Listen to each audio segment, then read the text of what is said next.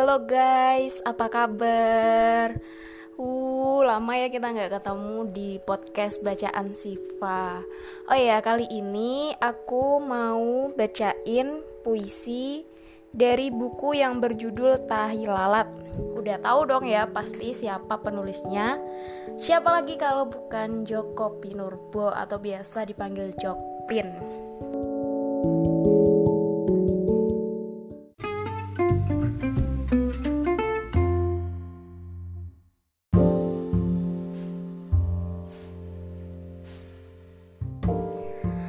Sebelum aku bacain puisinya, uh, buku ini tebalnya adalah 108 halaman dengan puisi sejumlah 56 judul. Buku ini ditulis oleh Joko Pinurbo alias Jokpin. Beliau ini lahir di Pelabuhan Ratu, Sukabumi, Jawa Barat pada tanggal 11 Mei 1962. Beliau juga tinggalnya di Yogyakarta. Jokpin juga pernah menyelesaikan pendidikan terakhirnya di Institut Keguruan dan Ilmu Pendidikan Sanata Dharma Yogyakarta. Ia gemar berpuisi yang ditekuninya sejak waktu dia SMA. E, penyair ini mulai dikenal setelah menerbitkan buku kumpulan puisi yang berjudul Celana pada tahun 99 bukunya juga ada beberapa. Yang pertama ada celana itu kedua di bawah kibaran sarung tahun 2001 pacar kecilku 2002 telepon genggam 2003 kekasihku 2004 kepada cium 2007 tai lalat 2012 surat kopi 2014 selamat menunaikan ibadah puisi 2016 dan masih banyak lagi yang lainnya Jokpin juga banyak menerima penghargaan. Di antaranya itu ada penghargaan buku puisi Dewan Kesenian Jakarta pada tahun 2001, terus hadiah sastra lontar tahun 2001, tokoh sastra pilihan Tempo waktu 2001 dan 2012 juga pernah mendapatkan penghargaan sastra Badan Bahasa tahun 2002 dan 2014. Puisi-puisi dari Joko Pinurbo atau Jokpin sendiri sudah banyak diterjemahkan ke berbagai bahasa, di antaranya juga adalah bahasa Inggris dan bahasa Jerman.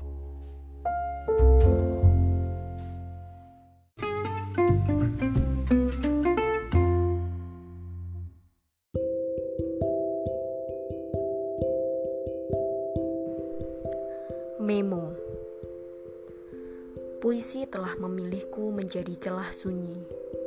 Di antara baris-barisnya yang terang, dimintanya aku tetap redup dan remang. Rambut curian.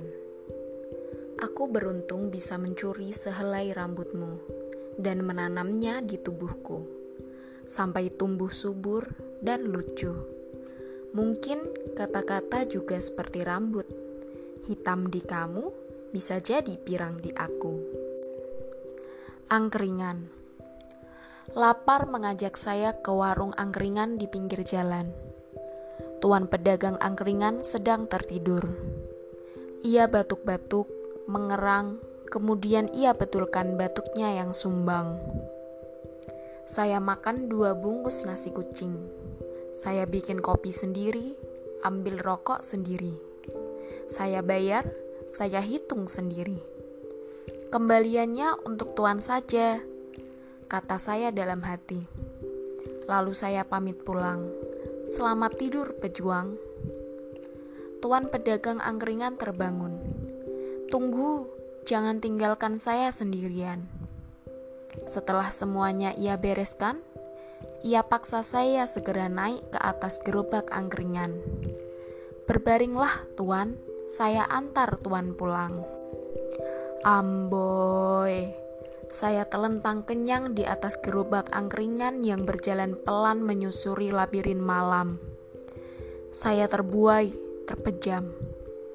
Seperti naik perahu di laut terang, meluncur ringan menuju rumah impian Nun di seberang. Samar-samar, saya lihat bayangan seorang ibu sedang menina bubukkan anaknya dalam ayunan. Tidurlah, tidur, tidurlah anakku sayang.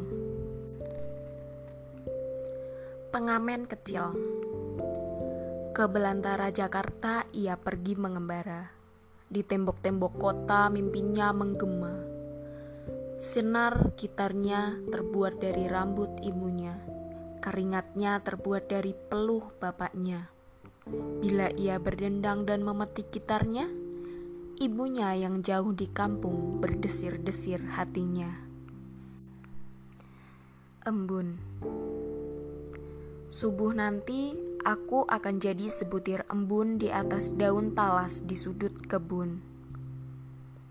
Pungut dan sembunyikan di kuncup matamu, sehingga matamu jadi mata embun atau masukkan ke celah bibirmu sehingga bibirmu jadi bibir embun. Sabar, aku harus pergi dulu menjenguk seorang bocah perantau yang sedang tertidur pulas di bawah pohon besi di sudut kotamu. Aku akan menetes di atas luka hatinya yang merah menganga sampai ia terjaga. Terima kasih telah kau sangatkan perihku. Mungkin aku tetes terakhir dari hujan semalam yang belum rela sirna sebelum bertemu dengan ibu sunyi dari bocah perantau itu. Mungkin kau hanya akan memandangiku berkilau di atas daun talas di sudut kebun, sampai aku menguap, lenyap, kecerlap matamu. Orang gila baru Sesungguhnya saya malas membaca sajak-sajak saya sendiri. Setiap saya membaca sajak yang saya tulis, dari balik gerumbul kata-kata muncul orang gila baru yang dengan setengah waras berkata, Numpang tanya, apakah Anda tahu alamat rumah saya? Ku antar ia ke rumah sakit jiwa, dan dengan lembut ku katakan, Ini rumahmu, beristirahatlah dalam damai. Ia malah mencengkeram leher baju saya dan meradang. Ini rumahmu, bukan rumahku. Pernah saya melihatnya sedang berlari-lari kecil di jalanan panas, lalu mendadak berhenti, mendongak ke langit, menghormat matahari. Kali lain, saya menemukannya sedang tercenung di pinggir jalan, sambil tersenyum, terus seperti orang malang sedang menertawakan nasibnya sendiri. Saya berdoa dalam hati, semoga ia tidak pulang ke dalam sajak-sajak saya. Mungkin cara terbaik untuk mencegah kemunculannya adalah berhenti menulis. Tapi kawan saya bilang, bukankah tanpa dia sudah lama kamu mati? Bulan Bulan yang kedinginan berbisik kepadamu. Bolehkah aku mandi sesaat saja di hangat matamu? malam sepenuhnya milikmu, ketika bulan tercebur di dingin matamu. Bulan itu bulatan hatimu, bertengger di dahan waktu. Sebentar, sebentar lagi aku akan sampai di rambutmu, seperti embun hinggap di pucuk perdu. Dua bentar lagi aku akan sampai di matamu Semoga semakin nikmat perihmu. Siapakah kamu yang rela berlinang di mataku? Aku sebutir doa yang berasal dari tetes keringatmu. Tiga bentar lagi, aku akan sampai di bibirmu. Lenyapkan aku, habiskan aku dalam hausmu. Tangan kecil Tangan kecil hujan menjatuhkan embun ke celah bibirmu, meraba demam pada lehermu, dan dengan takzim membuka kancing bajumu. Tangan kecil malam menyusup pelan ke dalam hangatmu, menemukan aku yang sedang bergila-gila di suhu tubuhmu.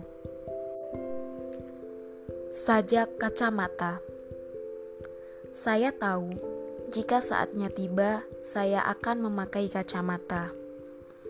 Kacamata yang kacanya terbuat dari kaca kata dan matanya dari mata bocah yang haus cinta. Ada senja kecil yang sedang berdoa di mata saya, dan doa terbaiknya adalah Sunni. Seseorang akan memberi saya kacamata untuk memancarkan cahaya sunyi senja ke jalan-jalan yang dilewati puisi. Saya tahu pada akhirnya saya akan berkacamata. Kacamata yang bingkainya terbuat dari logam mimpi dan gagangnya dari tangkai hujan yang liat sekali. Malam itu setelah semuanya selesai, saya berjalan menuju rumah mandi di atas bukit. Saya memakai kacamata untuk menerangi jalanan gelap yang harus saya lalui. Di rumah mandi telah berkumpul para kekasih insomnia. Mereka semua mengenakan kacamata. Seorang bocah menyambut saya dan berkata, "Pesta mandi siap dimulai, Tuan. Sudah dinanti-nanti." Ia anak yang terlahir dalam puisi, yang menjaga sajak-sajak saya, bahkan ketika saya tak lagi berada di tempat di mana ia berada. Ia yang memberi saya kacamata. Piano telah kuserahkan hatiku yang lelah ke dalam tanganmu piano. Cepat, cepat mainkan lagu terbaikmu. Di padang hening aku terbaring. Jari-jarimu yang merdu menari-nari di atas rusukku menggetarkan bilah-bilah igaku. Tubuhku menggelepar saat kau sentuh liar sepasang not yang sedang mekar. Ku dengar gemuruh malam di bukit yang jauh dan jeritan rendah di lembah yang resah. Telah kuserahkan cintaku yang basah ke dalam tanganmu piano. Cepat, cepat letupkan nada terakhirmu. Puasa. Saya sedang mencuci celana yang pernah saya pakai untuk mencekik leher saya sendiri. Saya sedang mencuci kata-kata dengan keringat yang saya tabung setiap hari. Dari kamar mandi yang jauh dan sunyi, saya ucapkan, "Selamat menunaikan ibadah puisi."